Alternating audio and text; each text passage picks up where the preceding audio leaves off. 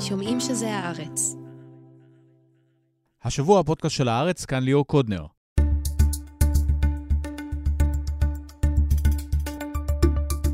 העימות בין ישראל לארצות הברית מגיע כבר לחשבונות הבנק של ארבעה ישראלים. סנקציות שהטיל הממשל האמריקאי בעקבות הפרעות של מתנחלים גרמו למשבר במערכת הבנקאית. עם אגר שזף ואסה ששון נרחיב על מה שקורה ביהודה ושומרון, וגם האם ישראל הולכת בעקבות רוסיה.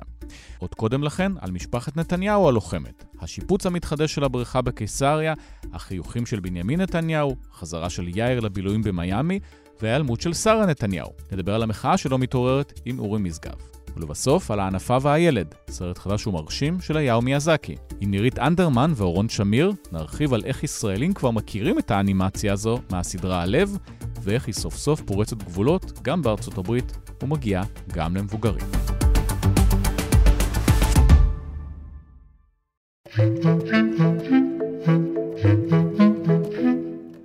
המלחמה בעזה נכנסת לחודש החמישי, ואנחנו רוצים להתמקד עכשיו במשפחת נתניהו, המשפחה הלוחמת. שלום אה, אורי משגב. שלום. אנחנו תמיד מדברים שם על הקבינט, בואו נתמקד בראש הקבינט, ראש הממשלה נתניהו. קצת הצבע חזר לו לחיים, מסיבות עיתונאים הוא מרגיש יותר נינוח, אה, הוא מדבר, אני נלחם בשטח, אתם באולפנים.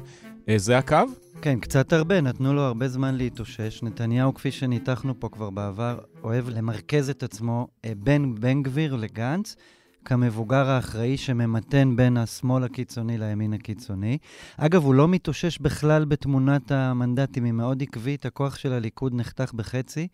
הקואליציה שאיתה הוא יצא לדרך עומדת סביב 44 מנדטים, ירידה של כ-20 מנדטים. אתה מדבר על התאוששות אחרת, והיא לא פחות חשובה, היא מה שאנחנו רואים יום-יום. ההתאוששות האישית, איך שהוא מתנהג, איך שהוא מתנהל, איך שהוא שוב משתלח ומסית ומפלג. במה הוא עסוק? קודם כל, הוא יוצא מאוחר מביתו, אתה הרי יודע, וחלק מקוראנו שאני מנהל אחרי זה מעקב יומי. מה זה מאוחר? מאוחר זה תמיד אחרי 10, בין 10 ל-11, אחרי שהוא עובר אה, עיצוב שיער ואיפור אישי. בין אם זה בביתו בקיסריה, ואם לא, אז בסלון היופי הפרטי שהמדינה מחזיקה לו בדירת המאבטחים במתחם בלפור. כל יום, גם במלחמה, יש שיער, איפור. בעיקר במלחמה, משום שעיקר פעילותו, אחרי שהוא מתאפר ומסתפר, היא לנסוע להצטלם. אני אה, שומע כאן דבר אחד, כל הזמן. להמשיך עד הסוף. עד הסוף. הוא אוהב מאוד להצטלם עם חיילים, שבוע שעבר הצליח להצטלם שוב עם uh, פצועים. הם כמובן נבחרים בקפידה. הסינקים הם תמשיכו בשבילנו, רוצים לחזור לעזה ברגע שנוכל להבריא. היו הרבה צילומים כאלה בימים הראשונים, אחר כך קצת זה נרגע, דובר על זה שהמילואימניקים לא רוצים להצטלם איתו, אה, או שבבית חולים לא רוצים לקבל אותו, איך מארגנים באמת את הדברים האלה?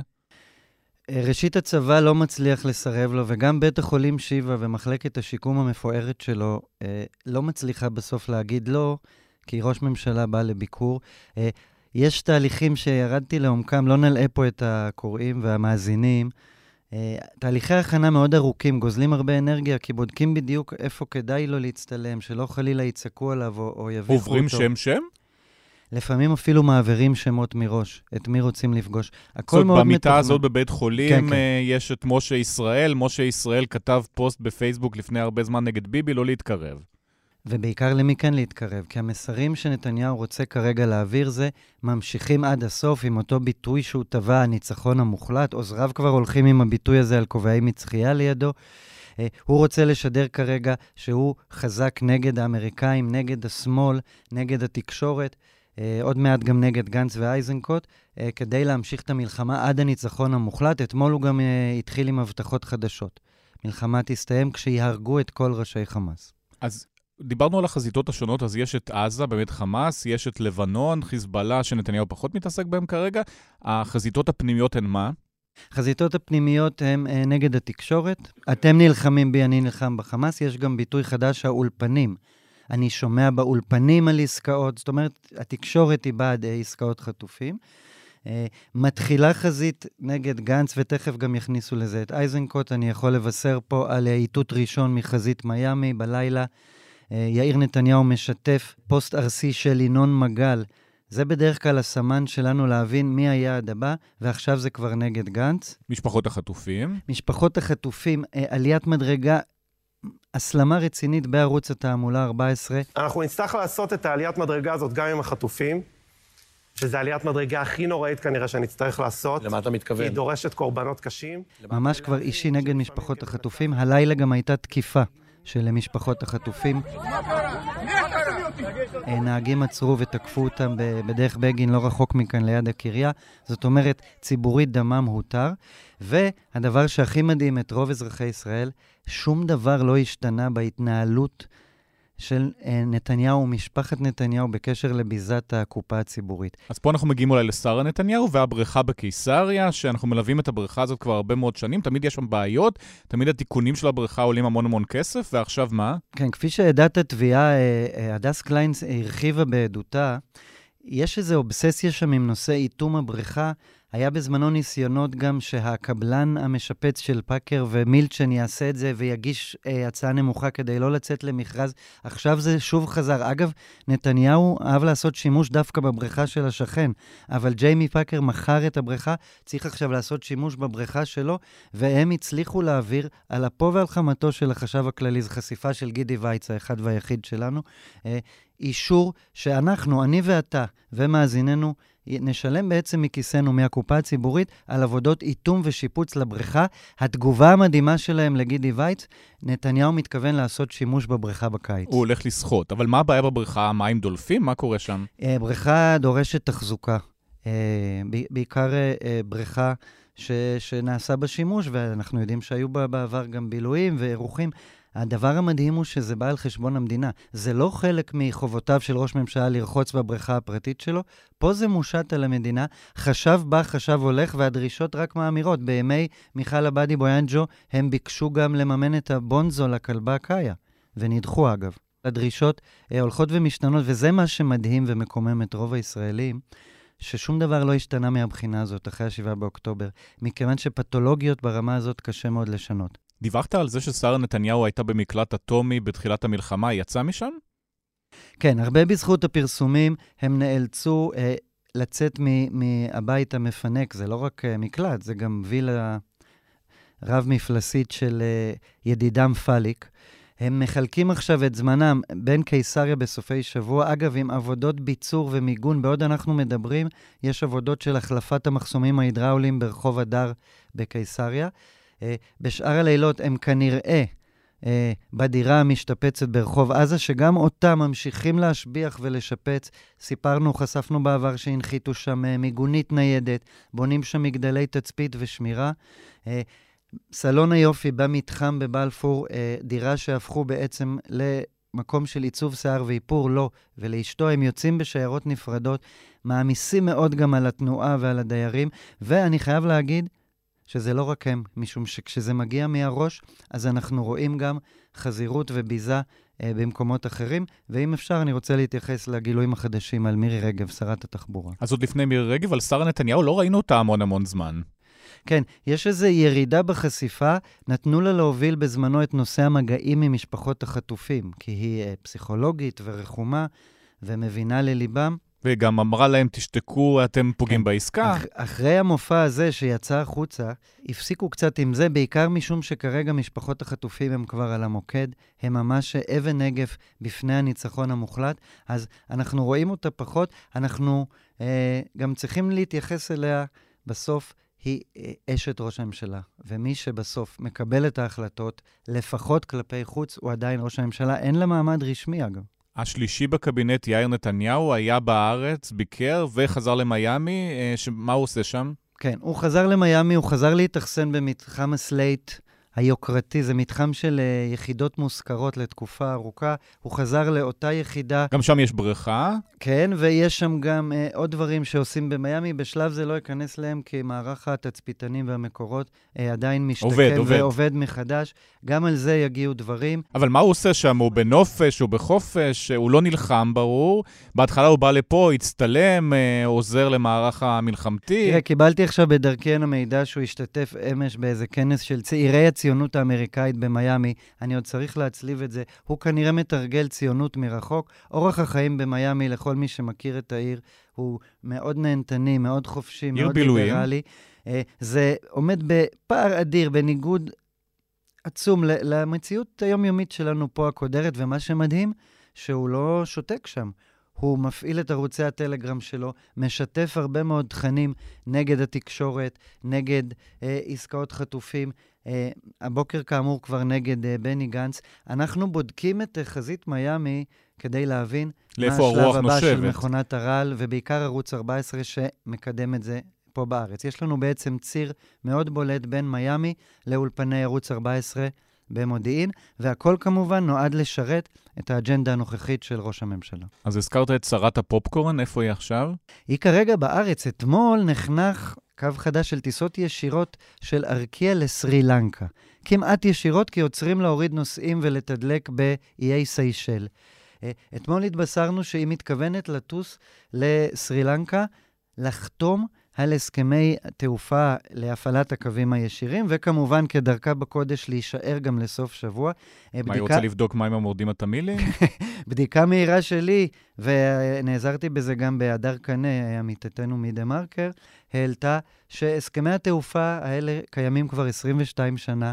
יתרה מזאת, אל על, באמצעות חברת הבת שלה, סנדור, כבר הפעילה לזמן קצר קו כזה, אז אולי נוסעת לחתום על uh, טופס ריק. בכל מקרה, עדכונים של הסכמי תעופה אפשר לעשות גם, ב- בדקנו, בחתימה אלקטרונית. היא גם חברת בזום. קבינט, אגב, כן. לא חשוב מה היא עושה שם, ו- אבל לפחות אה, נוכחת. היא, היא נוכחת, היא מביאה לשם, כפי שאנחנו יודעים, פופקורן, היא חברת הקבינט המדיני-ביטחוני, ובתקופה כזאת, לקיים נסיעה אה, כל כך מיותרת, שבאמת יכולה להיסגר בדרג בגידותי, זה דבר מדהים, זה אפרופו הניתוק האדיר. אגב, ה-7 באוקטובר תפס את מירי רגב במקסיקו, בנסיעת העבודה העבודה, הקודמת. במרכאות אני עושה, כי זה היה יומיים פגישות, ואחרי זה שבוע אה, שיזוף בחופי מקסיקו. שם תפס אותה ה-7 באוקטובר, לא לומדת מהניסיון. אה, אתמול גם פורסם שהיא מתכוונת לצרף במסגרת התקשיר, במימון שלה כמובן, את בתה הבכורה לנסיעה. וזה נראה לה הגיוני בזמן שפה הדרום והצפון מפונה, החטופים נמקים בעזה, החיילים נלחמים בעזה, לצערנו לפעמים גם נהרגים שם. זו רמת הניתוק של השרה הזאת כרגע. אנחנו הרבה זמן עוקבים אחרי המטוס גם, כנף ציון קוראים לה, שבונים אותו כבר אה, כמה, חמש שנים? לא, שמונה שנים. שמונה כנף ציון- שנים עדיין לא התחיל לטוס, אולי עכשיו? כנף ציון ביוני, אנחנו נציין פה, אני מאמין, במשדר חגיגי, שמונה שנים להגעתו לארץ. כמה אמרו- עלה עד עכשיו? אמרו לנו שזה ייקח שנה, זה מתקרב כבר למיליארד שקלים. וואו. רק מטוס אחד, מיליארד שקלים, גם מטוס די ישן, אגב, נזכיר. לא רק ישן, בואינג 767 שיצא בעצם משירות פעיל, אה, בואינג מוציאה אותו משירות, גם חיל אוויר, זה שמה אומר עושים שם? בונים שיצטרכו בריכה בתוך המטוס? אה, את עבודות ההכנה של המטוס והשיפוץ והאבזור אה, אה, כבר סיימו. אבל כשנכנסה ממשלת בנט-לפיד, הם אה, סירבו להשתמש בעגל הזהב הזה. כי הם לא רצו להצטלם בתוך המטוס, כן, כי זה ממש אה, של מסמל- נתניהו. הוא מסמל ניתוק וחזירות. אה, נתניהו ביקש להחזיר אותו, להכין אותו לכשירות מבצעית. באוקטובר פרצה מלחמה, אין לו גם יעדים כרגע לנסוע, ובכל זאת, למרות הכל, בזמן מלחמה, הוא התחיל עכשיו לעשות טיסות תרגול, והגדילו לעשות לפני שבוע, לראשונה, דימו טיסה אמיתית של ראש הממשלה ואשתו, כולל דוגמנים, שני נוסעים שדימו אותם, טסים, הגישו להם גם אוכל. אני וואו, אמר- אני מה הצבתי- הגישו? אז זהו, אני לא יודע מה הגישו, אבל הצבתי כמובן בציניות כמה סטנדרטים שבלעדיהם זו לא סימולציה אמיתית. סימולציה אמיתית צריכה לכלול גם צרחות על תא הטייס, אם לא מברכים נכון את הגברת בכריזה. היא צריכה עצירה על מסלול ההסעה, כפי שחשפנו לפני שנה, אה, לפני הטיסה לסן פרנסיסקו, משום שדיילת סוררת העזה לברך את ראש הממשלה, רעייתו ופמלייתו. ואסור ואת הפמליה פמלייתו. אסור, זה רק ראש הממשלה ורעייתו. מה עם הכביסה? אה, צריך, אמרנו, גם לעשות סימולציה של אה, מזוודות כביסה, והכי חשוב, לקח מהטיסה בליסבון, סימולציה של העלאת 11 מזוודות שחורות גדולות, שלעולם לא נדע את תכולתן, והושבתן במושבי הנוסעים ולא בתאי המטען. גם בסקר הזה, המחנה הממלכתי בראשות בני גנץ היא המפלגה הגדולה ביותר עם 37 מנדטים. הליכוד בראשות נתניהו הרחק מאחור עם 16 מנדטים בלבד, פחות מחצי. בוא נגיע לפוליטיקה, שבאמת יש מלא קוריוזים, באמת המשפחה מתנהגת כאילו אין מחר, אולי באמת אין מחר, הם חושבים שהם פה אה, אה, לסיים את הקדנציה עם 64 מנדטים. תראו, זה להערכתי אה, שילוב של מצד אחד ימי פומפי האחרונים. כן, ו- אתה רואה ימי פומפי לא, האחרונים באמת? לא, הם לא האחרונים, ש- זה, ש- זה שנות פומפי האחרונות. נתניהו אה, לא ישרוד עוד מערכת בחירות, זה אומרים פה פרשנים יותר מתונים ממני, הוא מאוד יציב בסקרים על חצי מכוחו. אבל לכן, הבחירות רחוקות, אה, בדיוק. לפי החוק. לכן המטרה היא לא לקיים בחירות, הם כמעט עוד uh, שלוש שנים, וזה בעצם שנות פומפי האחרונות. Uh, אמרו שהוא רוצה לעצב מורשת, כרגע המורשת היא ה-7 באוקטובר, אבל מבחינת ההתנהלות הפוליטית, זה השיטה הידועה של לתחזק את הקואליציה שמתחזקים עבורו בני גנץ, אייזנקוט וטרופר, המבוגר האחראי. כל, יש לנו דינמיקה קבועה. אה, בן גביר אומר משהו נגד האמריקאים או משהו על יישוב או טרנספר, וגנץ מגנה. נתניהו ממרכז את עצמו באמצע, הוא מפשר בין הניצים. שזה מנוהל אבל לדעתך, או שבאמת כל צד מושך לכיוון שלו ונתניהו אה, יושב על הפוזיציה הזאת כי זה נוח לו? או שהוא בסך הכל אומר לבן גביר, תמשיך, תמשיך, אתה עוזר לי? אה, קיבלנו רק השבוע עדויות, זה התפרסם. אה, שכל המתקפה של השרים נגד עסקת חטופים היא מתוזמרת, הוא מבקש מהם להגיד. הוא גם אמר למירי רגב, אותה מירי רגב לפני שבועיים, עשית עבודה טובה כשהיא תקפה את ראשי הצבא. אה, זה מנוהל בשיטת הכאוס המפורסמת, זה נראה מבולגן, אבל יש לך כתבים משני הצדדים שמחזיקים את זה. הכל ישתנה ביום שבני גנץ ואנשיו יואילו להודיע על uh, מועד שבו הם יוצאים מהממשלה הזאת. שגם זה לא קורה, כי הם אומרים, uh, גם הם, uh, אם אנחנו נצא, אז בן גביר יישאר שם ויהיה יותר גרוע, זה הקייס. ויש לנו עוד את החזית הלבנונית, שמדברים על התחממות שלה צפויה באביב, ואחרי זה יהיה את איראן. המצב הזה, כמה שהוא מצבו הציבורי אנוש בסקרים, והוא אנוש, ראינו את מדד האמון בו, אפילו ניר ברקת האפור, שלא לדבר על יוסי כהן, אה, משיגים יותר מנדטים ממנו כביכול בסקרים בראשות הליכוד. לכן מטרתו היא כמובן לא ללכת לבחירות, אלא להמשיך... הישרדות, למשוך זמן. להמשיך למשוך זמן, לנהל איכשהו את הספינה הזאת, שכמה שהיא טובעת ומטביעה את כולנו איתה, היא עדיין משאירה אותו בקיסריה, בסלון היופי ועם השיפוץ לבריכה. אבל זה יכול באמת לקחת המון זמן. תאורטית, המועד הקבוע כיום לבחירות אנחנו יודעים אותו, הוא בנובמבר בעוד אה, שלוש שנים. ההנחה שאני כל הזמן קורא עליה ושומע עליה ממקורות במערכת הפוליטית, שזה בכל זאת לא ימשוך, ושזה אמור להתכנס לאזור ספטמבר-נובמבר השנה. זה בחירות בשביל... עוד השנה ב-24. אבל זה מותנה בשני דברים. אחד, יציאה של גנץ, החזרת הקואליציה בכנסת לגודלה הטבעי 64, שני מחנות שמתעמתים גם ברחוב, ואז אולי אותן אצבעות סוררות. אגב, זה לאו דווקא מהליכוד, עוד גורם שמשחק אותה עכשיו מתון ואחראי. ש"ס, אריה דרעי וש"ס, כן. דרעי ואנשיו, ארבל וכולי, אה, כמה הם יוכלו להחזיק מול אה, זעקת המשפחות, זעקת המפונים. יש לנו נושא שלם ששווה פודקאסט נפרד, המפונים של הצפון והדרום. האוכלוסייה הזאת הולכת להיות איתנו במשך השנה. האם הצעקה הזאת אה, תגיע גם לרחובות? לדעתי, אך ורק כשגנץ יישב מהממשלה, ושוב יהיו לנו שני מחנות שמתנגשים ביניהם. לגבי המחאה, סיקרת בהרחבה את המחאה הקודמת שהייתה סביב ההפיכה המשטרית. כרגע זה יחסית uh, שקט. סביב החטופים יש מדי פעם מחאות, אבל uh, uh, יחסית זה שקט. יש את המחאה גם של הימין סביב המשאיות שנכנסות לעזה, אבל uh, כללי המשחק מאוד ברורים, ואין הליכה לרחובות שדיברנו עליהם בעבר, של 500 אלף מיליון איש יצאו לרחובות ויגידו בחירות עכשיו. אני אה, אומר זאת בכנות ובעצב, אני, אני כאזרח הולך להפגנות. אה, זו חוויה עצובה, מדכדכת, כל הכבוד למי שהולך, אבל הן מנומסות, הן בגבולות כיכר הבימה. עצובה מה... כי יש מעט אנשים, או... כי זה בגבולות מסורטטים, יש הרבה כאב. אה, ואז יש אה, שיירה, הולכים להזדהות עם החטופים. כפי שאמרת, מתחילים חודש חמישי של הסיפור הזה. אה, הזעם עוד לא מציף את הרחובות, משתי סיבות. מצב מלחמה, מלחמת התשה כזאת בעזה, כוננות למלחמה בצפון. אנחנו לא רגילים למחות כשיש מלחמה, זה הרי סכין בגב האומה והחיילים. והדבר השני, אני מצטער שאני חוזר על זה כמו תוכי, כל עוד המפלגה המובילה היום של המחנה המתנגד לנתניהו, מפלגת גנץ, לפחות בסקרים, היא, היום במספרים שמעולם לא נראו מאז... למעשה הגוש לא היה במצב כל כך טוב אלקטורלית בסקרים מאז שנות ה-90. הגוש נגד נתניהו. כן, אבל כל עוד המפלגה המובילה והדומיננטית בו משרתת את נתניהו בממשלה, להערכתי קשה מאוד להוציא אנשים למחות ולזעום. אתה חייב לתת להם רוח גבית להבין שיש להם מה להשיג. כרגע המחאה היא עצובה. מסור, מנומסת, ובמידה מסוימת אפילו משרתת את נתניהו. לגמרי משרתת את נתניהו. כי ישראל נראית כדמוקרטיה, יש מחאות מימין ומשמאל, והוא כרגיל באמצע. והוא שורד. כן. שורד. אה, אנחנו רואים אותו גם עם איזה מצב רוח יותר אה, התקפי שלא היה לו בחודשים הראשונים, הוא הרי היה בהחלט בהלם.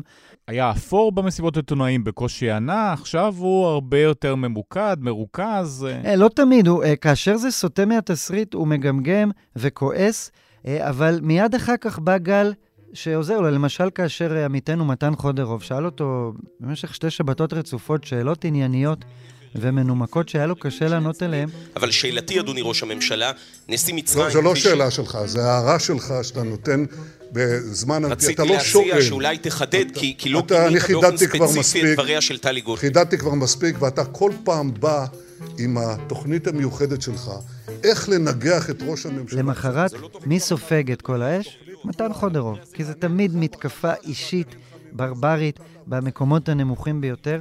אה, אז הם, הם מכווננים ככה את העסק. העיקר שהוא ימשיך להיות מוצג איכשהו כאבי האומה ומי שיודע מה לעשות. אני מזכיר, נגד האמריקאים, נגד התקשורת ונגד השמאל. נסיים מכונת הרעל? יש שם שינויים כלשהם, או אותה מכונה עובדת למרות שיש פחות מנדטים ופחות מנעמי שלטון בעתיד, היא אה, מכונה משומנת שממשיכה לעבוד. לא, קודם כל הם נלחמים על חייהם, אנחנו לא ננקוב פה בשמות. רבים מהאנשים האלה, לא, לא באמת הכרנו אותם לפני שהם הפכו שופרות uh, של המכונה, והם יודעים שהם גם יאבדו את מעמדם, אז ההפך, הם... אה, גם היא... הם בסיפור הישרדות. בוודאי, והם uh, הגבירו אפילו הילוך. Uh, צריך להבין שמדובר פה בארגון מאוד מסודר. יש מסרים שעוברים, יש תחנות ממסר שמהדהדות ומשתפות. רבים מהערוצים האפלים זה לא בדיוק ערוצים שאני ואתה אפילו יכולים להיחשף אליהם, זה מעגלים של קבוצות וואטסאפ. בפרק הקודם דיברנו הרבה על הבגידה מבפנים, ואיך מארגנים את כל הדברים האלה מטלי גוטליב. דיברתם מן הסתם על טלי גוטליב ועל ענייני אה, שקמה ברסלר וסינואר. שים לב רק לדבר מעניין, וגם זה צוין אצלנו בביקורות הטלוויזיה. מעלים עלילת דם שפלה מאין כמוה, ובסוף... זה מגיע גם למיינסטרים באמצעות uh, שדרנים uh, הגונים, כמו רוני קובן ודני קושמרו, שנותנים לשקמה ברסלר את הבמה לענות. אני רק רציתי לשאול, כן, ואת תעני. כן, רק רציתי לשאול, אבל מתחתית הביבים זה עולה כבר למיינסטרים של התקשורת. זה עוד שיטה ידועה של המכונה הזאת. שים לב שבקדנציה הזאת יש לה כבר נציגים, לא רק בערוץ 14, אלא גם בכנסת. הזכרתם את טלי גוטליב, אבל יש עוד. יש uh, את ואטורי, ואת קלנר, ואת קרי. זה בעצם מרבים לקרוא לו בארץ האגף הביביסטי, עוצמה, אה, סניף עוצמה יהודית בליכוד, אה, אבל לא פחות מזה, זה אה, אגף של מכונת הרעל, חלקם ממש מינויים אישיים שמופעלים ממיאמי, וזה מכניס את זה לתקשורת הארצית.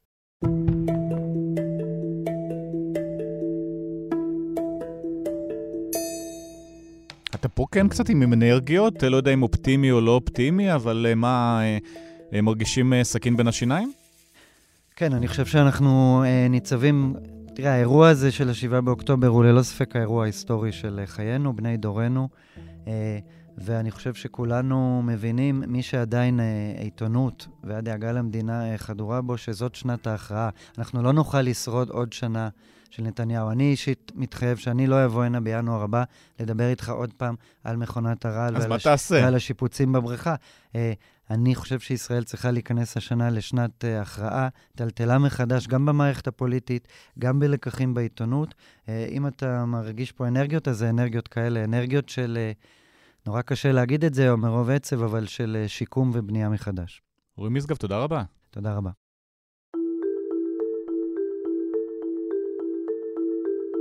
President Biden has unveiled a new executive order targeting Israeli settlers in the West Bank. It allows the U.S. to impose new sanctions on those who engage in violence against Palestinians or displace them from their homes. בצעד חריג הטיל הממשל האמריקאי סנקציות על ישראלים אחרי התפרעויות בשטחים. הסנקציות האלה עכשיו משפיעות על האנשים האלה באופן אישי וגם על כל מערכת הבנקאות בישראל. על הנושא הזה אנחנו רוצים לדבר איתך, הגר שזף, שלום. שלום. וגם אה, אסה ששון, שלום. שלום. אז אגר, בואי נתחיל בהתחלה של הסיפור הזה. נגד מי מוטלות הסנקציות האלה ומה הן בעצם אומרות? אז בעצם הסנקציות uh, מוטלות uh, כרגע על ארבעה מתנחלים. אחד זה מישהו בשם דוד חי חסדאי, עינן טנג'יל, שלום זיכרמן וינון לוי. שניים מהם זה אנשים שהוגשו נגדם בשנים האחרונות כתבי אישום על אלימות נגד פעילי שמאל. Uh, והראשון, דוד חי חסדאי, הוא אחד האנשים ששב"כ יותר על הגב שלהם, אפשר להגיד, בן אדם שהורשע בעבר, הוגשו נגדו צווי הגבלה וכולי, באמת איש מאוד מוכר. בין השאר, הוא נעצר אחרי הפרעות בחווארה לפני שנה. אגב, לא הוגש נגדו כתב אישום ולא הוגש כתב אישום נגד אף אחד בעקבות הפרעות של חווארה, צריך להגיד, אבל הוא היה במעצר מנהלי שלושה חודשים. הבן אדם הרביעי, שהוא אולי מוכר פחות, זה ינון לוי, שהוא בעצם הבן אדם הראשון שאשכרה ראה את ההשלכות של הסנקציות האלה עליו, כשאתמול בנק לאומי בעצם הקפיא באופן, הקפיא, סליחה, את החשבונות בנק שלו. ינון לוי הוא תושב מאחז בשם חוות מיתרים בדרום הר חברון. סביב החווה שלו התפנו, ברחו ארבע קהילות פלסטיניות בזמן האחרון. הוא מוכר היטב לתושבים הפלסטינים של האזור, כמי שהם אומרים שמאיים עליהם, תוקף אותם וכולי. לא הוגש נגדו כתב אישום, לא ידוע לי על מגבלות מנהליות נגדו, אבל עכשיו שמו עלה על כותרות. כבר הרבה מאוד זמן אנחנו מדברים על אלימות של מתנחלים. כמובן, יש יותר מארבעה אנשים שמתפרעים שם ועושים מעשים לא חוקיים. ממשלת ישראל לא עושה עם זה הרבה. איך האמריקאים מצאו דווקא את ארבעת האנשים האלה?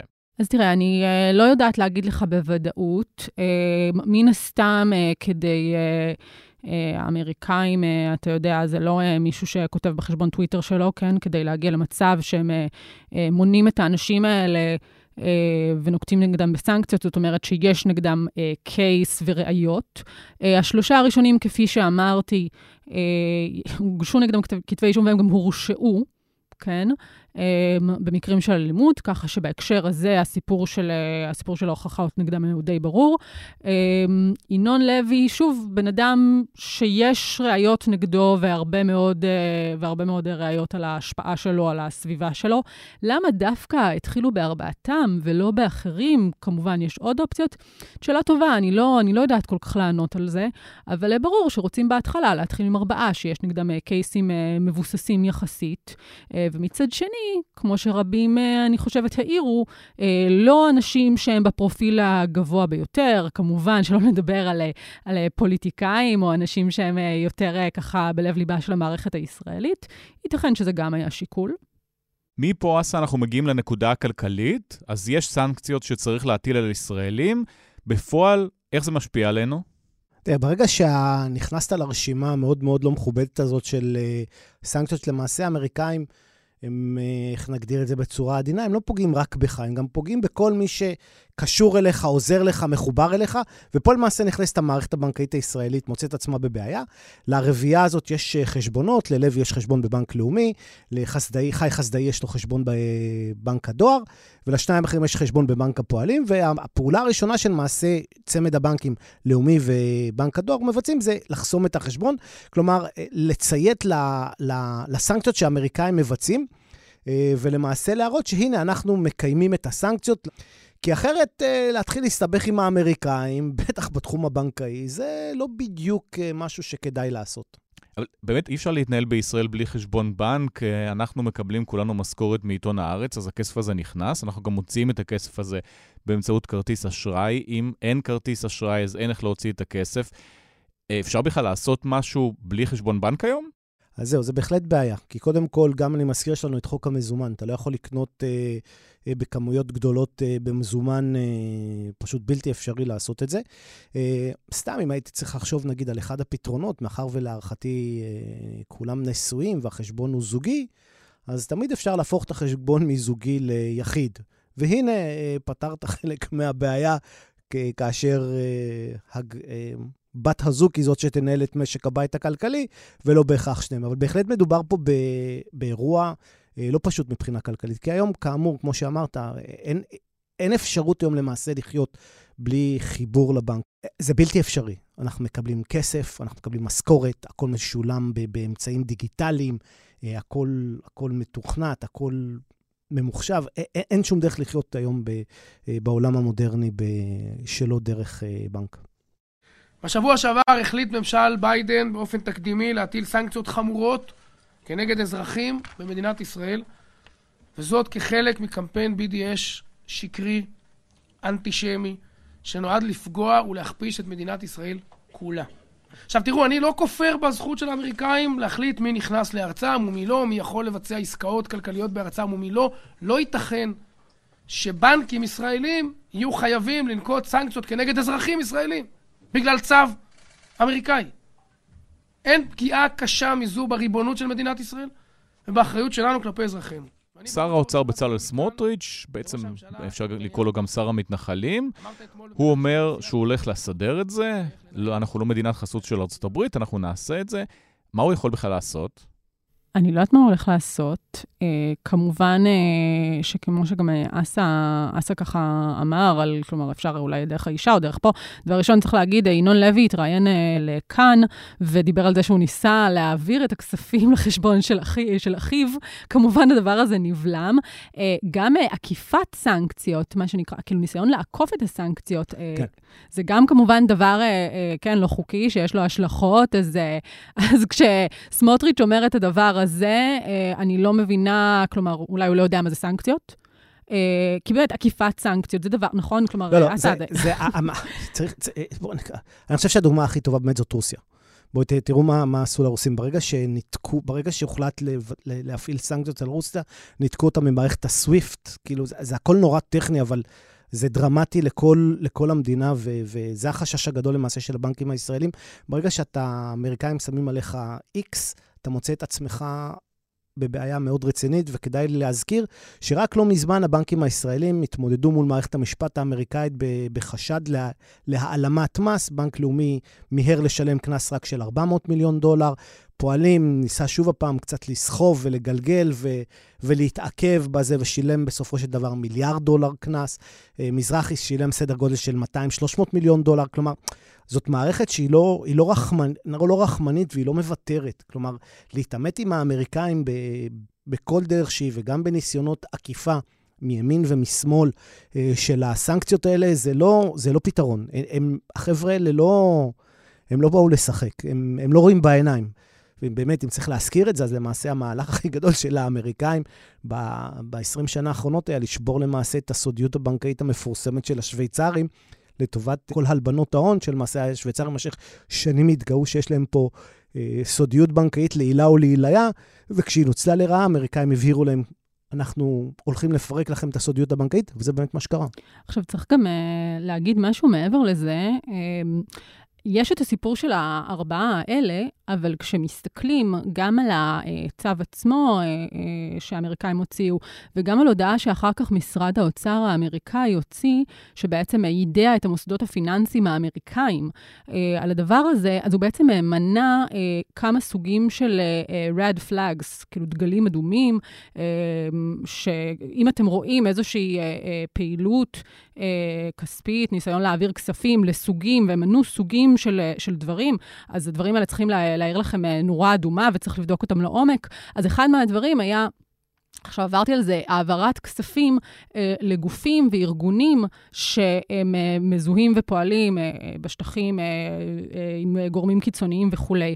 כלומר, ההשלכות של הדבר הזה, אנחנו עכשיו כאילו מדברים על ארבעה אנשים, אבל אני ממש לא בטוחה שזה נגמר בזה, גם אם לא יתווספו שמות נכון. נוספים, ואין סיבה שלא יתווספו שמות נוספים, כי כפי שאתה אמרת בהתחלה, אה, קונר, אה, זה, זה לא הארבעה היחידים שיש נגדם גם הרשעות ו, אה, ו, וכתבי אישום, למרות שכן, הרי בסוף הסנקציות האלה, אה, באיזשהו מובן מגיעות לכפר על זה שמערכת אכיפת החוק הישראלית פשוט לא עושה את עבודתה פה. That being said, יש אנשים שהוגשו נגדם כתבי אישום ואפשר להוסיף אותם, אבל גם אם זה לא קורה, בפני עצמו, אני לא רואה איך לדבר הזה אין השלכות. אה, בשנים האחרונות, מאחזים התחילו אה, לגייס כספים באמצעות אפליקציות bit ו PayBox. זה אפליקציות של הבנקים. נכון. עכשיו, כשיוצא, אה, כשיוצא כזה דבר של משרד אה, האוצר האמריקאי, שמזהיר מסוג האלה, אז אני לא, אני לא יודעת, זה הולך להיגמר. כלומר, האם אנחנו... יש להם אה, עוד דרך. בואי, יש משהו שנקרא קריפטו, את יודעת. אז, אז, אז, אז מעניין, מעניין. בדיוק. אני אומרת, יש פה, יש פה שאלה של, גם יש כמובן כספים שמגיעים למקומות האלה אה, מארצות הברית, ואנחנו יודעים את זה, כן, גיוס כספים מהאוונגליסטים וכולי וכולי. אז אם אנחנו מסתכלים על ההוראה של משרד האוצר האמריקאי, אני לא רואה איך לא יהיו לזה השלכות על הדבר הזה, לכל הפחות שיעקבו. אה, ויגרמו לאנשים לחשוב פעמיים. וגם יש את השאלה, לדעתי, שכדאי אה, לשאול את הבנקים מה הם עושים עם דברים כמו, לצורך העניין, גיוס כספים עבור מאחזים, לא רק של הארבעה האלה, אלא באופן כללי, דרך האפליקציות שלהם. תראה, הבנקים לא ירוצו וימהרו לפעול נגד אזרחים ישראלים. כן אוהבים את זה מבחינה פוליטית, לא אוהבים את זה מבחינה פוליטית. זה, הבנקים מסתכלים פה בראייה מאוד מאוד עסקית. וזאת הסיבה גם שבנק לאומי ובנק הדואר חסמו את החשבונות, פועלים כהרגלו אה, מושך, אה, מושך עוד קצת זמן בניסיון לקוות שאולי מישהו יגיד לו, אה, כמו בית המשפט, כמו שהיינו אצל רומן אברמוביץ' למשל, בית המשפט פסק שעל בנק מזרחי להעביר את הכסף, למרות שבנק מזרחי התנגד, מ, לא בדיוק מאותם טיעונים, אבל בהחלט גם רומן אברמוביץ', פרסונה נון גרטה במערכת הפיננסית הגלובלית, אה, מוטלות עליו סנקציות, ועדיין בית המשפט פסק ש... כן, בנק מזרחי צריך להעביר את הכסף. עכשיו האנשים האלה יכולים לפנות לבית המשפט, פה בישראל, שופט יישב, יחשוב, ובסופו של דבר אולי יחליט לבטל את הסנקציות, ואז הבנקים בעצם יצטרכו להסתדר לבד? זה בהחלט יכול לקרות. זה בהחלט אה, סיטואציה שבה הם יידרשו. למעשה גם צריך להבין ש, שמי שיכול לפתור את הבעיה הזאת, אם אנחנו מניחים את היכולות הדיפלומטיות המועטות של השרים המדוברים, אה, אה, באמת, חבל לי, אבל זה באמת המצב הקיים. כי אחרת, במדינה אחרת, סביר להניח שהיו שיחות מתחת לשולחן, פותרים את הבעיה, מענישים אותם בצורה כזאת או אחרת. יש כמה פתרונות, אה, יש יכולת לפתור את הבעיות האלה אם רק רוצים, אבל זה בהחלט קצת, דורש קצת יכולת דיפלומטית שכרגע לא קיימת בממשלה הנוכחית, אבל בהחלט אה, יכולים להציב לבנקים אה, דילמה מאוד מאוד קשה, כי אם בית המשפט יפסוק, אז לבנקים יהיה קל לבוא ולהגיד, הנה, בית המשפט חייב אותי לתת למר לוי חשבון, לכן אם אתם uh, יוצאים נגדי, אתם יוצאים נגד מערכת הרבה הרבה יותר גדולה, ו- ולא בטוח ביחס, במפגש יחסי כוחות האלה מי ינצח. גם לא הייתי מהמר מי, מי ינצח. אה, אלא אם כן באמת האמריקאים רוצים לבצע אסקלציה הרבה הרבה יותר גדולה ממה שכרגע קיימת. לבנקים זה דווקא יהיה טוב, כי זה יפתור להם, יוציא להם את הערמונים מהאש ויאפשר להם למעשה... Uh, איך אמר לי מקורב באחד הבנקים הגדולים, אומר, אנחנו כבר בימים האחרונים חוטפים איומים והטרדות וטלפונים מכל אה, האגף הימני, ולא רק בטוויטר, אלא ישירות לפלאפונים של בכירי הבנק, וכמובן מה ששר האוצר אה, אמר וכו', אבל זה בהחלט בחלק היותר קטן. אז הזכרת קודם את מערכת ה SWIFT, שרוסיה עפה ממנה. כן. אם יהיו השלכות כאלה מישראל, אז זה אומר שלנו לא יהיה ויזה, לא יהיה Mastercard, זה לא רק נסיעות לבלות באירופה או בדובאי. לגמרי. אתה למעשה מנותק בן לילה מכל הפעולות הפיננסית הגלובלית. אה, זה, זה ממש בן לילה. זה, זה סוגר אותך בתוך הכלכלה המקומית, ואני צריך, צריך לזכור, ישראל היא מדינת uh, ייצוא, אנחנו נשענים על uh, הייטק, אנחנו נשענים על uh, ייצוא חקלאי. רוסיה היא מדינה ענקית, כלומר, יש לה את היכולת לספוג ולהיות uh, משק uh, סגור. Uh, ישראל לא כל כך, אנחנו אולי מרכז העולם, אבל מבחינת משק אנחנו משק מאוד קטן, בלי משאבים כמעט, uh, שנשענים על, uh, על בעיקר מיומנויות של בני אדם. ולא על uh, ייצוא, ולא על ייצוא uh, משאבים, להפך, אנחנו מייבאים הרבה מאוד משאבים, וברגע שיסגרו אותנו, אנחנו נהיה במצב מאוד מאוד מאוד לא קל. אני הגעתי כאן כדי לחזק את ינון לוי. קודם כל הוא חבר יקר, אבל מה שקרה לו זה פשוט אחד הדברים הכי הזויים שיכולים להיות. כמה שמאלנים התלבשו עליו, העלו עליו כל מיני עלילות. משטרת ישראל חקרה את זה, אין להם כלום ושום דבר. מה שהם עשו אחרי כל עלילות הדם האלה, זה איכשהו הגיע לממשל האמריקאי. אתם מוצאים צו אה, שבעצם מקפיא את כל הנכסים שלו בארצות הברית, אתה יודע כמה נכסים יש לו בארצות הברית? הגר, בהתחלה כשהדברים האלה מתפרסמים זה היה נראה כבתור משהו מאוד מאוד קטן, הממשל האמריקאי היה צריך לעשות משהו כי יש ביקורת על ביידן משמאל וצריך לצאת ידי חובה בגלל המלחמה בעזה. אנחנו מצליחים כן להבין מה מטרת העל של האמריקאים? דבר ראשון, אה, כשהסנקציות אה, אה, פורסמו, אז די מהר התחלתי לראות את כל ה... היה מין שעשוע כזה בקרב נערי גבעות וחבריהם, בנוגע לזה שמטילים סנקציות על נכסים של נערי גבעות ומה להם ולנכסים בארצות הברית, וכאילו איזשהו, יש איזשהו ניתוק מוחלט כן, אני חושבת שזה דבר שאנחנו רואים אותו באופן כללי, אה, אני חושבת כחלק מהדעת קהל הישראלית, כמובן הגבוהות עם איזשהו קיצון של הדבר הזה, בין ההבנה שלהם למה קורה ומה הם עושים, לבין איך העולם וארצות הברית תופסים את זה, ו... בעיניי גם ביניהם ובין המציאות. אה, והדבר הזה התנפץ להם אה, בפנים כשהם בעצם הבינו ש... אוקיי, מתחילים לסגור פה חשבונות בנק. בתחילת המלחמה, בעיקר, בגדה היה אה, בעצם אה, פרץ של אלימות כלפי פלסטינים, אה, פעולות אה, בין אה, נקם, הייתי אומרת, לבין אה, פשוט אה, ניצול השעה, כן? אה, כדי להבריח קהילות. באמת, מדובר על 16 קהילות שברחו בגלל איומים. חלק מהם זה מה שמתואר, אגב, תחת הקטגוריה של ינון לוי ולמה, ולמה הוא נכנס אה, בעצם לדבר הזה. ו, וזה באמת היה משהו, אני יכולה להגיד בתור מי שכבר ארבע שנים בתפקיד, שאני לא ראיתי לפני כן אה, משהו בסדר גודל הזה. האמריקאים היו מההתחלה מאוד מאוד מאוד מודעים לדבר הזה. עכשיו, בישראל, וזה משהו שהמתנחלים תמיד מדברים עליו, קמפיין אלימות המתנחלים, וזה זה, וזה בסך הכל, וזה עיתון הארץ, אה, כאילו אה, ביידן אה, קורא עיתון הארץ, ומקשיב אה, לשמאל האנרכיסטי וכולי וכולי. הם גם משקרים. כי כולם, גם הראשי מועצות, כן, של ההתנחלויות, הם מודעים לזה שיש אלימות, הם פשוט משקרים, כן, והם גם בניתוק מוחלט בנוגע למה המשמעות האמיתית של הדברים. אז האמריקאים רואים את הדבר הזה. וזה גם קשור לזה שיש ממשלת אה, ימין על מלא מלא מלא מלא? נכון, יש לך באמת, אתה יודע, יש לך פה באמת את אה, סמוטריץ' ואת בן גביר. צריך להגיד, בן גביר, אה, כשדוד חי חסדאי, אחד מהאנשים בסנקציות, אה, כשהוא היה במעצר מינהלי, אז אה, בן גביר אה, נפגש עם ההורים שלו, אה, כן, כאילו, הוא כבר היה שר. אה, אז באמת, כמובן, האמריקאים רואים את כל הדברים האלה. הם רואים את הבאמת חוסר יכולת של מערכת האכיפה הישראלית, שהיא לא מאז הממשלה אה, הנוכחית, אלא היא עוד מלפני. אבל אני חושבת שהממשלה הנוכחית כמובן אה, מקדישה את הסאה. אה, ומה שקרה מאז 7 באוקטובר בגדה, אז על אחת כמה וכמה. וזה איזשהו ניסיון לעשות משהו.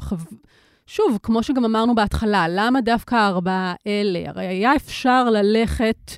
יותר גבוה מזה. היה אפשר ללכת לאנשים שהם גם בפרופיל יותר גבוה, עוד לפני שאנחנו מדברים אפילו על הפוליטיקאים, ראשי מועצות וכולי. היו גם uh, דיבורים שיהיו סנקציות אישיות על בן גביר וסמוטריץ'. כן, תראה, אני יכולה uh, להבין uh, למה לא להתחיל עם זה, או למה לא לעשות כזה דבר בכלל. Uh, כמובן, הדברים האלה, הם, uh, אתה יודע, יש פה שיקולים uh, גם uh, דיפלומטיים, אבל שוב, אני חושבת שאנחנו עוד לא עד הסוף יודעים לאן זה יתגלגל אה, ומה ההשלכות של זה יהיו על היכולת אה, לגייס כספים למאחזים ולפעילות כזאת, ויכול להיות שזה בפני עצמו ייצור פה איזה משהו חדש. תאורטית, אם הדבר הזה מתרחב, יכול להיות שעוד רגע האמריקאים יטילו סנקציות על כל מי שגר בהתנחלות? תראה, אז כשאתה מסתכל על, ה, על ה, איך שהם מגדירים uh, את הדברים, אז זה לא מספיק uh, שתהיה מתנחל, כן? אבל uh, אתה צריך uh, להיות uh, או מעורב בפעילות אה, אלימה, או בפעילות שגורמת להפחדה, אה, שגורמת אה, לאנשים לעזוב את ביתם. כן, יש שם ממש, אגב, אחד הדברים בעיניי המעניינים זה שהסנקציות האלה ממש מתייחסות לעניין הזה של בעצם בריחה או העקירה של הכפרים. זה ממש משהו שהוא ברור שהוא נמצא שם באופן כאילו מאוד מאוד מאוד ברור, בסנקציות זה קצת הפתיע אותי. יש לציין שהתופעה הזאת של הכפרים שבורחים בגלל אלימות מתנחלים ובגלל אה, איומים של מתנחלים, זה לא דבר חדש, זה דבר שהצבא מודע אליו. אני יכולה להגיד שאני באופן אישי, מעבר לעובדה שאני מדווחת על זה, גם יוצא לי לדבר על זה עם הצבא, לא מאז תחילת המלחמה, אלא שנה אחורה. הם יודעים את הדברים האלה, והם בגדול די לא עושים כלום. אם הם היו רוצים, הם היו יכולים למנוע את הדבר הזה. אה, אז הדבר הזה הוא כמובן, אה, אתה יודע, אני חושבת גם כתב אישום אה, במובן המטאפורי נגד הצבא, כמובן, נגד המשטרה, מי בכלל חושב שהמדינה בשטח, שהמשטרה בשטחים עושה משהו, גם השב"כ. Clearly with civilian dress coming towards my village. He was attacking a house. The settler started to walk towards Zakaria and just shot him. ואחרי שיוצאים הפרסומים האלה, כן חשבונות בנק, לא חשבונות בנק, המצב בשטח נרגע? אנשים הבינו את המסר? תראה, אמ, בערב, אה, בלילה, סליחה, אחרי שהוכרזו הסנקציות, אז היו מספר אה, דיווחים אה, של פלסטינים על אלימות כלפיהם ברחבי הגדה. היה גם איזשהו רכב שהוצת, היה גרפיטי שרוסס באחד הכפרים, אז, אז לא. אמ, אני גם לא חושבת, כאילו, אני... תראה, אני לא חושבת שהדבר הזה הוא דבר שיגרום לנער או, ל, אתה יודע, לאו לא דווקא נער, נערים, אבל לפעילים הקיצוניים ביותר אה, אה, לא לצאת אה, ו, ו, ולעשות אה, פעילויות אלימות. אבל אני חושבת שלא מעט כספים שזורמים למקומות האלה, זאת אומרת, צריך להגיד, כאילו, המאחזים היום אה, אה, בגדה, יש להם רחפנים, יש להם אה, אמצעים טרמיים, יש להם כל מיני דברים. עכשיו, מאיפה הכסף לדבר הזה מגיע? חלקו מגיע מארצות הברית, זה ידוע. כן, גם אם אני לא uh, יודעת עכשיו uh, לשרטט לך את ה-money trail פה, כי אתה יודע, הוא עובר בכל מיני דרכים uh, uh, ככה נסתרות, אז אתה רואה את הדברים האלה, אתה רואה את התודות שהם, uh, שהם uh, נותנים לכל מיני uh, uh, קהילות uh, אמריקאיות. אז אני חושבת שבסוף, שוב, הדבר הזה, זה לא מה שירתיע אולי בן אדם מלהיות uh, אלים בפני עצמו, כי זה קצת יותר חזק מזה, אבל חלק מהכספים הגדולים שמגיעים למקומות האלה, זה יכול לבלום אותם. אז אסה, היית ממליץ לאנשים האלה עכשיו מה? לצבור מזומן? פשוט לשמור כסף בבית או לאסוף קריפטו? מה לעשות? א', כן. כדי להערך לסנקציות הבאות, צריך כמובן לצבור מזומן, כי זה הפתרון של לעקוף את המערכת הבנקאית, או כמובן, כמו שאמרנו מקודם, אה, כל נושא הקריפטו, שהוא גם כן אה, עוקף מערכת בנקאית מסורתית ו- ו- וקצת יותר יעיל מבחינת, ה- אה, איך נגיד, ההגירה שלו, כי להתחיל להחזיק מזומן בכמויות גדולות. א', זה בעיה, כי באמת אי אפשר להשתמש במזומן, בגלל חוק המזומן שקיים בישראל, אה, אי אפשר להשתמש במזומן בכמויות גדולות. כלומר, לצרכי בית ברמה היומיומית, זה כן, אבל אם אתה רוצה עכשיו לרכוש משהו, סכומים הרבה יותר גדולים, אתה בהחלט, בהחלט לא, לא יכול לעשות שום דבר. אה, קריפטו בהחלט נשאר גם אמצעי מאוד קל, מאוד נוח. כל מה שאתה צריך זה דיסק און קי קטן שיושב לך קבוע אצלך בכיס. אה, כי מזומן גם צריך לדעת לשמור עליו, והוא גם יכול להישרף חס וחלילה אם אה, בטעות אה, הבקבוק תבערה שזרקת מתפוצץ במקום שלא תכננת. אז אם אנחנו צריכים להמר, הסיפור הזה בסוף יסתיים בניצחון אמריקאי מוחלט? וואו, אני אף פעם לא מהמר נגד האמריקאים, בטח לא בתחום הפיננסי. אני חושב שאפשר היה לפתור את הבעיה הזאת הרבה יותר עם... אם היו קצת סותמים את הפה, סליחה שאני אומר את זה בצורה קצת בוטה, אבל uh, לא, לא חייבים כולם לדבר, לא חייבים כולם להתרברב, לא צריך לקבל uh, מחיאות כפיים מהבייס, צריך לחשוב איך פותרים את הבעיה בשקט מול האמריקאים, uh, ולא מעל גלי הטוויטר ו- ובהצהרות כוחניות, כמו שקארי אמר היום, שהוא יעשה כל שביכולתו וכו' וכו', או... או כמו שמישהו שלח לי היום מייל, שזה פוגע בריבונות הישראלית, אז לא, זה לא פוגע בריבונות הישראלית. צריך לפתור את הבעיות בדרכים דיפלומטיות. אנחנו, יש לנו את הניסיון הזה. אני מאמין שמבחינת האמריקאים הם בהחלט שילמו מס מסוים לאותן קהילות אה, בארצות הברית שהם היו צריכים לשלם כדי להראות להם, הנה, אנחנו לא רק עוזרים לישראלים, אלא אנחנו גם מוודאים שאת אותם מעשי אה, שאנחנו דורשים שלא ייעשו, לא קורים גם בשטחים. אה, צריך להיות פה בעיקר חכמים, אבל לא הייתי יוצא נגד המערכת הפיננסית האמריקאית. אני רק רוצה להוסיף עוד דבר אחד. המערכת הבנקאית היא מאוד א-פוליטית, אה, בואו נקרא לזה. אתמול בנק לאומי חסם את החשבון של אונר"א, כן? בעקבות החשדות שעלו מהממצאים בעקבות המלחמה של, של עובדי אונר"א שהיו שותפים לטבח, אז הם, הם חסמו את, ה, את החשבון של אונר"א, כך שהמערכת הבנקאית היא, היא ברובה א-פוליטית, היא למעשה לא, לא את הצד הימני ולא את הצד השמאלי של המפה. אתה אומר שהיה צריך להראות שפגעו בשני הצדדים. אני לא חושב שזו שאלה של להראות, אלא שוב, once יש סנקציות, הבנק לא מעוניין, אה, לא מעוניין למצוא את עצמו חשוף מול המערכת הבנקאית העולמית, ולכן הם גם חסמו את אונר"א.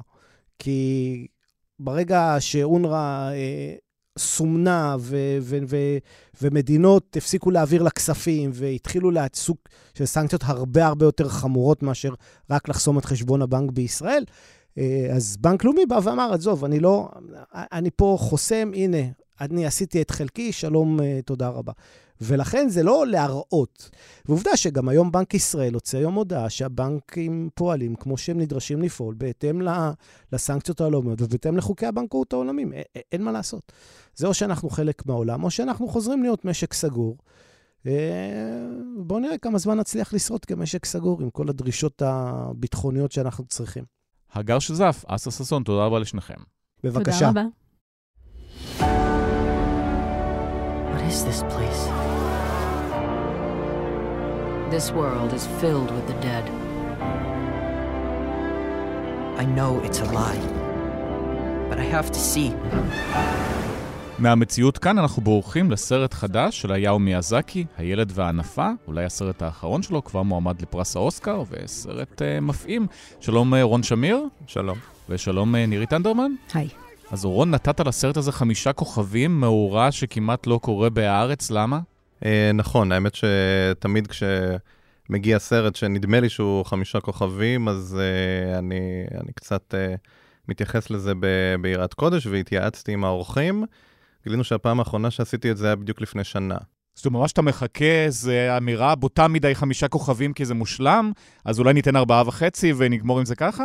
Uh, כן, האמת שיש, uh, לפני שבועיים יצא סרט של ארבעה וחצי נושק לחמישה כוכבים, מסכנים שכאלה, אבל ברגע שראיתי את, uh, את הילד והענפה, כבר בספטמבר, uh, ידעתי שאין שום ציון אחר. נירית, מה כל כך מיוחד בסרט הזה?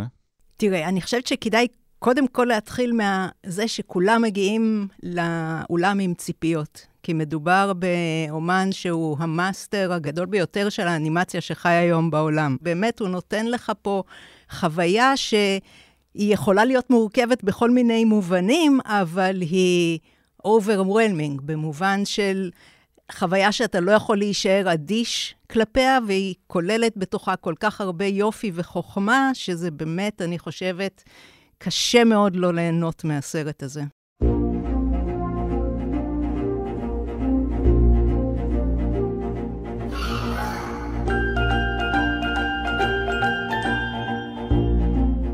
זה סרט שבשבילו הולכים uh, לקולנוע, ומיאזקי צריך לזכור, uh, מאסטר, כמו שאמרה נירית, בן 83, זאת אומרת, אתה מגיע עם עול הציפיות של 60 שנות קריירה, 12 סרטים באורך מלא, סדרות וכו', והמשמעות של סטודיו ג'יבלי, ואנחנו מכירים uh, למה לצפות.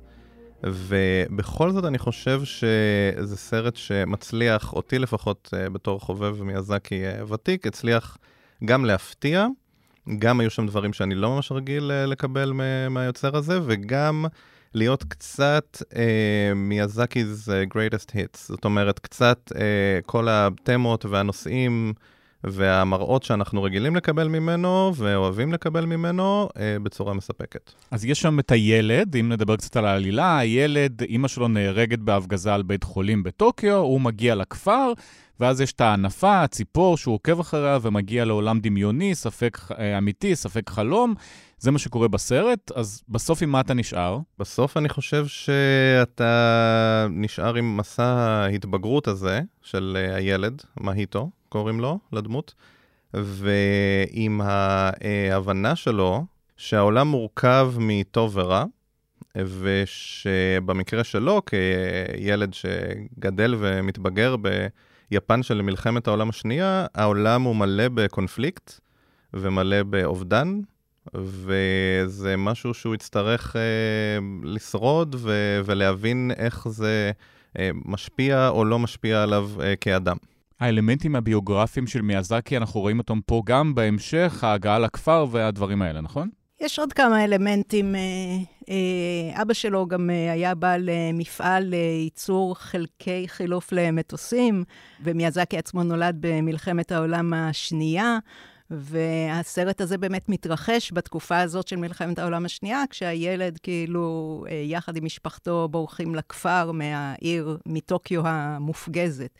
אבל אני חושבת שלדבר רק על הסינופסיס העלילתי של הסרט, זה לחטוא מאוד לסרט הזה. כשראיתי את הסרט בפעם הראשונה, אז התחלתי לעקוב אחרי העלילה, ובאיזה שלב, היא מאוד מורכבת, באיזה שלב איבדתי אותה. ואז אמרתי, כן, אני משחררת. שזה אגב ו... מבאס, אם רואים סרטים, אתה אמור להבין מה קורה שם. שזה הרבה פעמים, זה, מבחינתי זה פוסל את הסרט, אבל במקרה הזה זה באמת, הוויזואליה כל כך uh, עשירה ומורכבת ומרגשת כשלעצמה, וזה באמת uh, החזיק אותי לגמרי כל הסרט וסיפק לי חוויה חוויה אומנותית נדירה שקשה למצוא היום בסרטים אחרים. והשורה התחתונה של כל מה שרציתי להגיד בעצם, שהחוויה הרגשית בסרט הזה בעיניי הרבה יותר חזקה מהחוויה הנרטיבית. מה כוח מיוחד באנימציה היפנית שהיא שוטפת גם את המערב, מגיעה גם להוליווד, משפיעה על הוליווד, אבל עדיין נשארת בתור משהו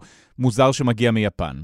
התשובה פה מאוד ארוכה, כי מדובר בתרבות uh, שלמה של uh, מנגה ואנימה שמגיעים מיפן, ושם זה תעשייה ענקית של שני התחומים האלה.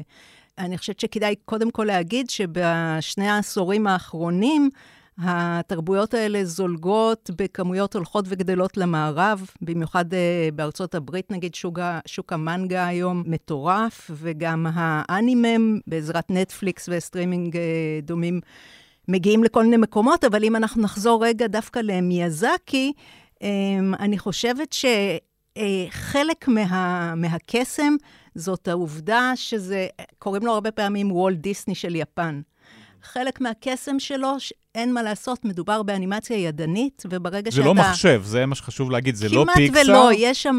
ממש לא. זו אנימציה שמצוירת ביד, ויש משהו בידניות הזאת שעושה את זה. זה נותן, זה נותן לך גם אולי כמונו, שאנחנו קצת יותר קשישים, איזה טאץ' נוסטלגי, של להיזכר בזמנים אחרים ובאיך שאנחנו היינו בזמנים האלה, אבל גם... ויזואלית נותן לך חוויה שהיא מאוד שונה מפיקסאר ומאוד שונה מאנימציה שאנחנו רגילים לראות כיום במקומות אחרים. כמו הים, כמו לב הים, ליבו של מרקו סוער בו, הוא יורד לחוף, יורד לחוף, מביט למרחב. ישראלים גם מכירים את זה, כל מיני סדרות שהיו בחינוכית של אנימציה יפנית? הלב, מרקו מיאזקי היה שם במאי אנימציה? אה, מה שנקרא scene designer. אה, בקולנוע מצולם יש set designer, אה, מי שאחראי על איך שהסרט נראה, עיצוב אומנותי. מיאזקי היה בכל 50 ומשהו הפרקים של הסדרה הלב. הוא היה ה scene design, זאת אומרת המקבילה. כל הרקעים, כל הסביבות ואיך שהדמויות אה, אה, נעות בחלל. Uh, הלב זה האמת מקום מעניין להתחיל בו, הסדרה על מרקו רוסי שמחפש את אימא שלו. כולנו, לא משנה, אני חושב, כמעט אה, באיזה גיל, מאוד רגילים לאנימציה יפנית. כי ראינו אותה בתור פשוט סרט מצויר או סדרה מצוירת. כי פתחת חינוכית וזה מה שהיה. כן, בשנות ה-70, 80, 90 אפילו, אה, כך, כך סרטים וסדרות היו, היו נראים, אז אנחנו מאוד רגילים לסגנון הזה. ומיאזקי, חשוב להגיד, הוא קלסיקן אמיתי. זאת אומרת, מדובר באדם שאין לו טלפון סלולרי, הוא לא יודע מה זה מחשב, זאת אומרת, אני מניח שהוא יודע, הוא לא משתמש במחשב לצרכיו האישיים, הוא פשוט מגיע למשרד, ועם עיפרון... ומתחיל ו... לקשקש.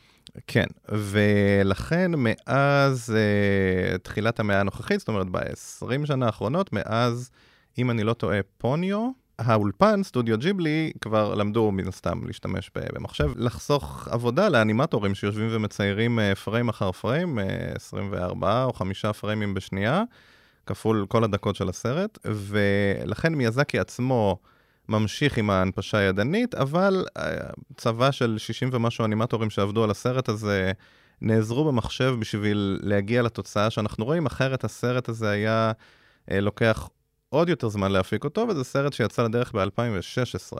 ורק עכשיו הוא אה, בקולנוע. אולי זה אבל סרט שפונה למבקרי קולנוע שהולכים לראות את הסרט פעמיים, שלוש אפילו, ו... ילדים כבר אומרים, אה, טוב, סחבתם אותי לסרט, עכשיו יש איזה חלום, יש איזה דמויות מפלצתיות מדי פעם, ונרדמים. זה מה שחששתי שיקרה עם הילדים שלי, כאמור זה לא קרה, והם יצאו עם אה, מבט מואר בעיניים ולא נמנמו לרגע, והיו מרוצים מאוד ממה שהם ראו. אני כן יכולה לספר, כדי אולי טיפה ל- ל- להנמיך ציפיות למאזינים שלא, כן.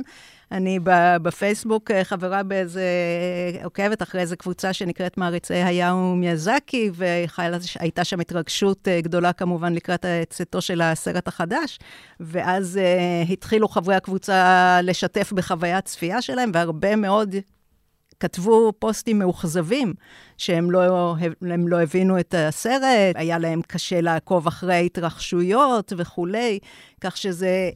אה, אני לא חושבת שזה סרט אה, שהוא לא לילדים, או שאפשר להגדיר למי הוא כן ולמי הוא לא, אבל אני חושבת שצריך להגיע לאולם עם ההבנה שהולכת להיות חוויה מורכבת, שזה לא איזה אה, סרט עם אה, נרטיב ברור ופשוט, שאפשר פשוט לזרום איתו, אלא להגיע עם ראש פתוח ולצפות למשהו, לתת לעצמך להיסחף עם מה שקורה.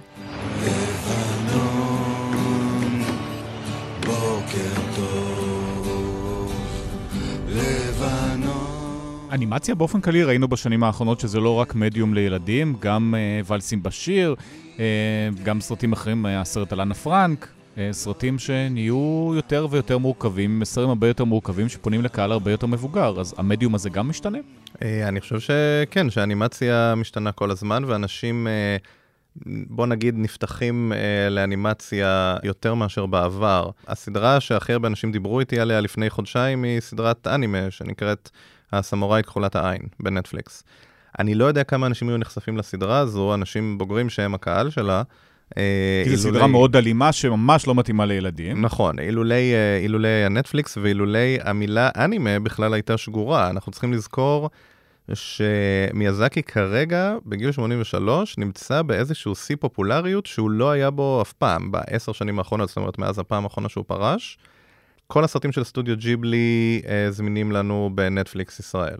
כשאנחנו רואים את הבעיות עכשיו של אולפני דיסני, גם יותר מדי מארוול, גם יותר מדי גיבורי על, גם פיקסאר תקועים, אין הרבה, זאת אומרת, לראשונה אחרי הרבה שנים שיצרו אה, להיט אחר להיט, עכשיו זה תקוע. יכול להיות שלעתיד של הקולנוע שם, אנימציה יפנית או דברים ממקומות אחרים, לא מהמיינסטרים של הוליווד? אה, אני, אני אשמח אם, אה, אם זה יהיה המצב. בתור מבקר קולנוע אתה מקווה. אנשים מחפשים מקורות השראה חדשים, כי בסופו של דבר אה, העין אה, והמוח האנושיים מתרגלים, וברגע שמשהו מצליח הוא נהיה טרנד וקמים לו חיקויים, ואז אנחנו אומרים, אה, זה נראה, נראה כמו פיקסאר, למרות שזה בכלל לא שייך לפיקסאר, אה, ואנחנו כבר רגילים לאיזושהי אסתטיקה מסוימת. ולאנימה, אני חושב שעדיין לא הגענו למלוא רוויה עם, ה, עם התחום הזה. ואנחנו, הייתי מגזים ואומר שאנחנו כבר רואים, אה, גם אם לא במיינסטרים, אז בשולי המיינסטרים, יוצרים שמודים שהם מושפעים מאנימה. אני אתן שתי דוגמאות. אה, אחת, אה, סרט שקראו לו בעברית אין מצב, באנגלית נופ, סרט השלישי כבמאי של ג'ורדן פיל. מלפני כמה שנים, שהוא הודה שבלי ספוילרים, הסוף המאוד הזוי של הסרט הושפע מאנימה. וסרט טיפה יותר חדש, קריד uh, 3, זאת אומרת הסיפור השלישי בסדרת uh, אדוניס קריד של מייקל בי ג'ורדן, כשהוא נדרש uh, לביים את ההמשכון הזה מעולמות רוקי וכו', הוא הודה שיש כמה רגעים בסרט שמבחינתו הם אנימה לכל דבר, פשוט מצולם. ואני חושב שאנחנו כבר כמעט שם, אנחנו רק צריכים את ה... הצלחת מיינסטרים הענקית אה, שתודיע לנו שהגענו. אני גם חושבת שזה, אתה יודע, אנחנו בעידן באמת של אה, דיסני ושל אה, התחלה של סטודיו ג'יבלי. אז הייתה, הייתה הפרדה, העולם עדיין לא היה כפר גלובלי, והיה את האנימציה של הברית, והיה את האנימציה של יפן, ואותו דבר עם קולנוע, גם הקולנוע ה, אה, הקוריאני, היפני, היה, ממלכה היה נפרדת. מצודה, בדיוק, מצודה מבודדת. והיום, בעידן הסטרימינג ובעידן הכפר הגלובלי בכלל בכל מיני תחומים, מה שאנחנו רואים ב, בכל תחומי האומנות, לא, לא רק בקולנוע ולא רק באנימציה, זה ש... אנחנו בעידן הפיוז'ן, אנשים מקבלים את ההשראה שלהם מכל מיני מקומות, גם מפה, גם משם, ו... והכל יוצא מעורבב. וככל שהזמן יתקדם, אני מניחה שזו מגמה שרק תלך ותגבר. יהיה כיף, נירית אנדרמן. אורון שמיר, תודה רבה. תודה רבה. תודה.